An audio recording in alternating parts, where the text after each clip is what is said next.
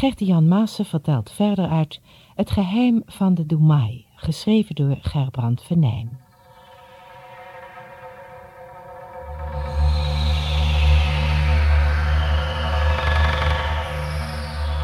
Na een vreselijke oorlog heeft een kleine overgebleven groep mensen een maatschappij gesticht. Jom probeert samen met twee vrienden overblijfselen van een boek te bemachtigen dat geschreven zou zijn door de schepper. Deel 7 Tegels.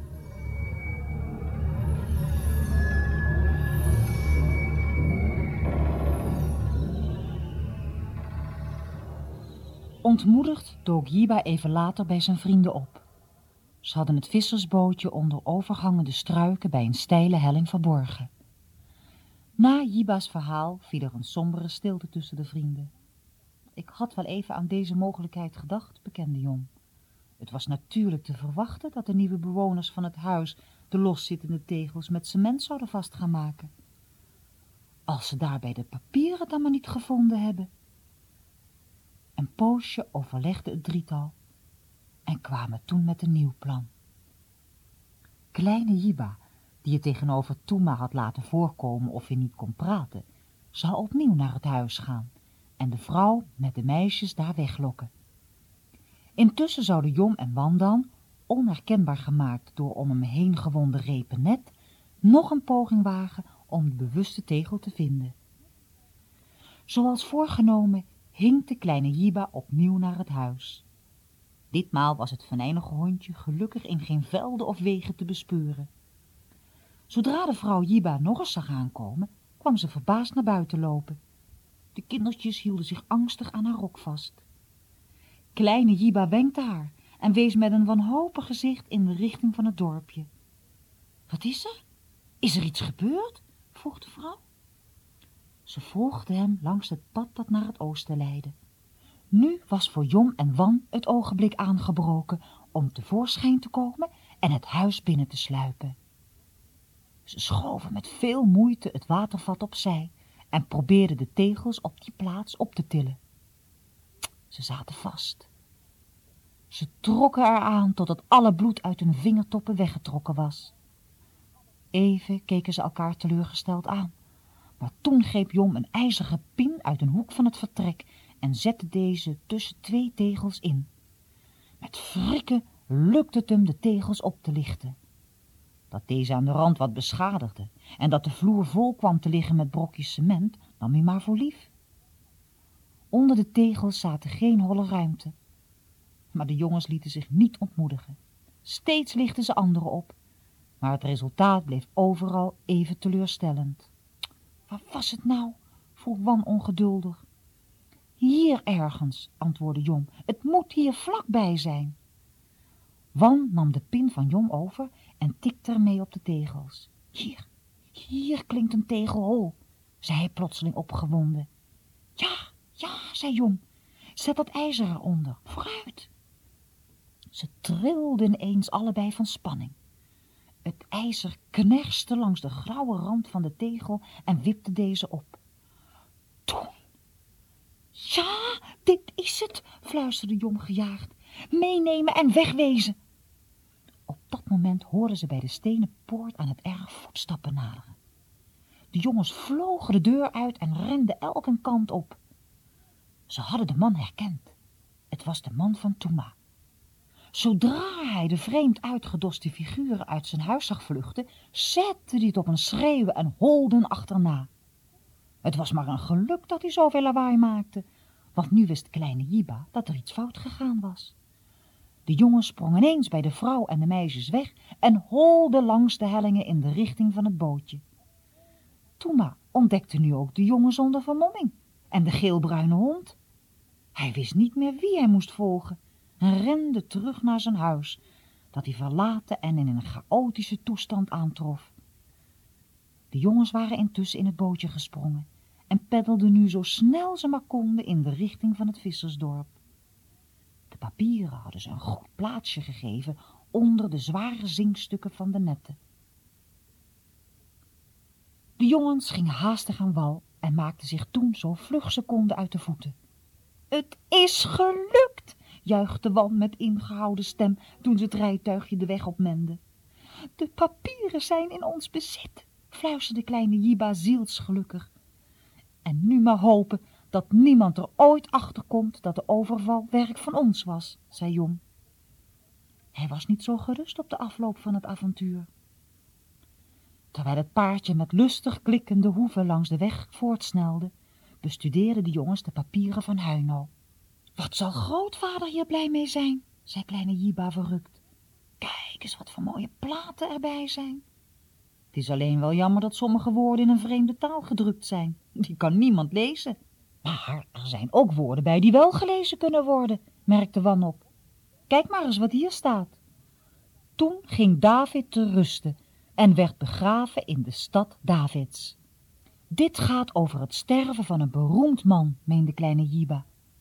Door de papieren weten we nu misschien de naam van de man die al die beroemde dingen deed en die de stem van God mocht horen. Ik hoop één ding, zei Jong. Ik hoop dat we uit deze stukken papier nu eindelijk te weten komen wat de schepper aan de mensen te zeggen had. Als we daar nu nog niet achter komen, is alles eigenlijk voor niets geweest. De jongens werden bij hun terugkomst met groot enthousiasme ontvangen. Terwijl de ouderen de verworven schatten uitlegden, zaten de drie avonturiers uit te blazen. Jong was een beetje zwijgzaam. Hoewel hij blij was dat de plannen geslaagd waren, maakte hij zich zorgen over de gevolgen van hun tocht naar het schildpad-eiland. Wat zou er gebeuren als men ontdekte dat Jong en Wan de achter stukken net verscholen figuren waren?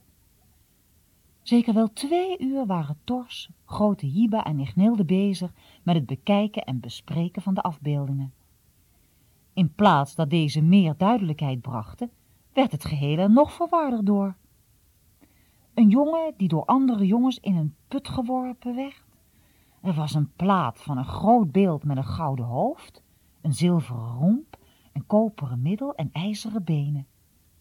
Er was een voorstelling van een blinkende stad met prachtige doorschijnende straten en gebouwen. Op een andere plaats zag men een schip dat op rotsen geworpen werd. Op weer een andere een groep mannen die tichels moesten bakken, terwijl er bewakers bij stonden met zwepen en stokken. En er was ook een plaat van een man die ze herkende, die ze de dienstknecht van de schepper noemde, herder van een grote kudde schapen. Ze lazen ook, voor zover mogelijk, de teksten op de stroken en de snippers. Daar werden ze jammer genoeg ook niet veel wijzer van. Het waren flarden van geschiedenissen, spreuken van vrome mannen en soms waren het opsommingen van allemaal namen. In de namiddag werden de nieuw gevonden afbeeldingen en teksten bij de anderen opgeborgen. Niemand kon er iets aan doen dat de stemming wat gedrukt was. Ze hadden nog niet één woord gevonden waarvan ze zeker wisten dat het door de schepper gesproken was. Tegen de avond vertrokken Jom en Wan met het rijtuigje, maar ze hadden eerst moeten beloven gauw weer eens terug te komen. Het was al stikdonker toen Jom en Wan eindelijk thuis kwamen. Vader en moeder keken wel bedenkelijk dat de jongens zo laat waren, maar ze lieten geen woord van verwijt horen omdat ze liepen te tollen op hun benen, werden de jongens al gauw met zachte hand naar bed geloodst. Nauwelijks had het tweetal echter het land der dromen bereikt of Joms ouders kregen bezoek. Het was Wans vader, die vol zorg vertelde wat er zich die dag op het schildpad-eiland had afgespeeld. Ze zaten er samen met moeder urenlang over te praten.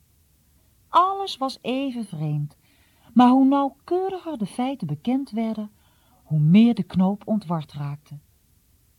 Er moet een bewijs te vinden zijn, zei vader toen het een poosje stil was geweest.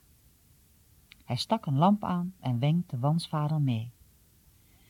Ze gingen met flakkerende vlam Joms slaapvertrek binnen, sloegen de dekens weg en letten goed op de handen en de armen van de jongens. Hun vermoedens werden bevestigd. Op de armen zaten vegen en hun gezichten zaten vol met haast onzichtbare schaafwondjes van de ruwe netten. De mannen hoefden elkaar niets meer te vragen of te zeggen. Diep in de nacht vertrok Wans vader met somber gebogen hoofd. Joms ouders zaten nog lang daarna verslagen met elkaar te praten. De volgende morgen ontdekten de jongens al gauw dat er iets aan de hand was.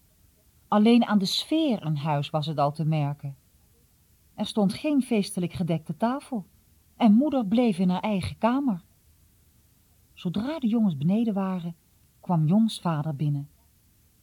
Wan, zei hij kortaf, jouw vader is hier gisteravond geweest. Hij wil dat je met de eerste gelegenheid naar het schildpadeiland terugkeert. Hier heb je wat brood en vruchten. En als je meteen vertrekt, kun je de boot van schipper Jobusu halen. Wan voelde dat alles ontdekt was. Hij groette vluchtig en spoedde zich naar de kade. Toen vader met Jom alleen was overgebleven, keek hij zijn zoon strak aan en zei, ik wil het uit je eigen mond vernemen, jongen. Wat is er gisteren gebeurd? Jom voelde dat ontkennen geen zin zou hebben en hij vertelde van Huino's papieren en van hun list om ze te pakken te krijgen. Het betekent dus dat je Wan en die kleinzoon van Torst de tuinman in het geheim betrokken hebt. Ja, vader. Daar heb je ze geen dienst mee bewezen. Het kennen van dat geheim is gevaarlijk in ons land. Ik meen dat we je dat al heel duidelijk hadden gezegd. Wan wist het al voordat u mij waarschuwde. En ook dat heb je me niet willen zeggen. Het spijt me, vader, zei Jon. De tranen sprongen in zijn ogen. U moest eens weten hoe ellendig ik me de laatste dagen gevoeld heb. U was zo goed voor me en, ik was maar steeds naar dat geheim aan het zoeken. Ik, ik, voelde me net een huigelaar. Ik geloof je niet. Als het je ernst was geweest, zou je die jongen van Jiba de houtvester er niet in betrokken hebben. Wat zal er gebeuren als hij zijn ouders of zijn grootvader van het geheim vertelt? Ik heb hem gezegd dat hij moest zwijgen. Heb je garanties dat hij het ook doet? Hij zal vast niets verraden. En waar zijn die papieren? Ik weet het niet, vader. Zeg op, jongen. We hebben ze verborgen. Zijn jullie er wat wijzer van geworden? Niets, vader, helemaal niets. Dat wist ik wel. Het zogenaamde heilige boek zullen jullie nooit vinden. Ik wil er ook niet verder naar zoeken. Dat klinkt uit jouw mond buitengewoon betrouwbaar. Ja, maar vader, ik... We zullen die zoon van Jiba zien op te sporen en hem nog eens op het hart binden dat hij zwijgt tegenover zijn familie en tegenover iedereen, want zo'n gerucht breidt zich uit als een olievlek. Ik wil mijn leven beteren, vader.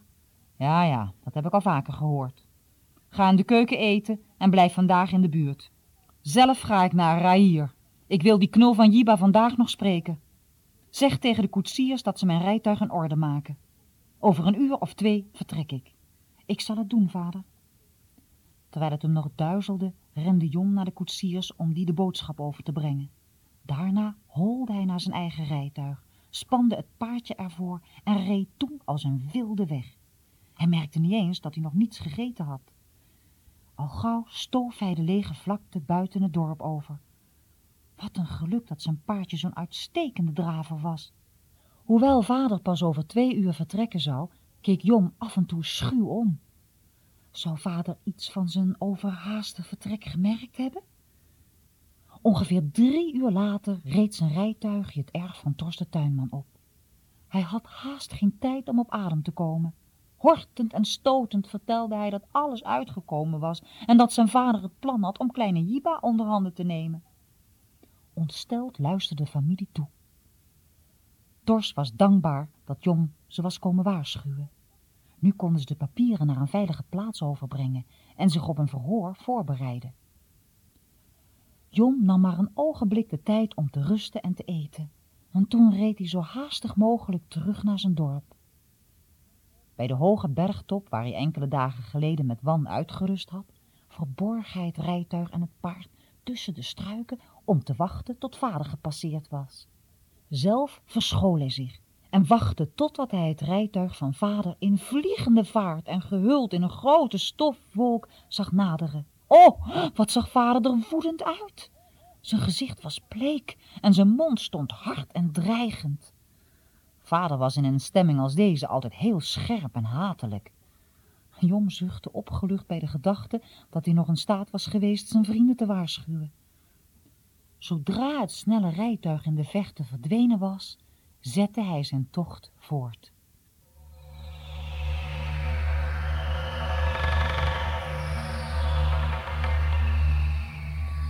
Dit was het zevende deel van Het geheim van de Doemai. Het werd verteld door Gerte-Jan Maassen en geschreven door Gerbrand Venijn.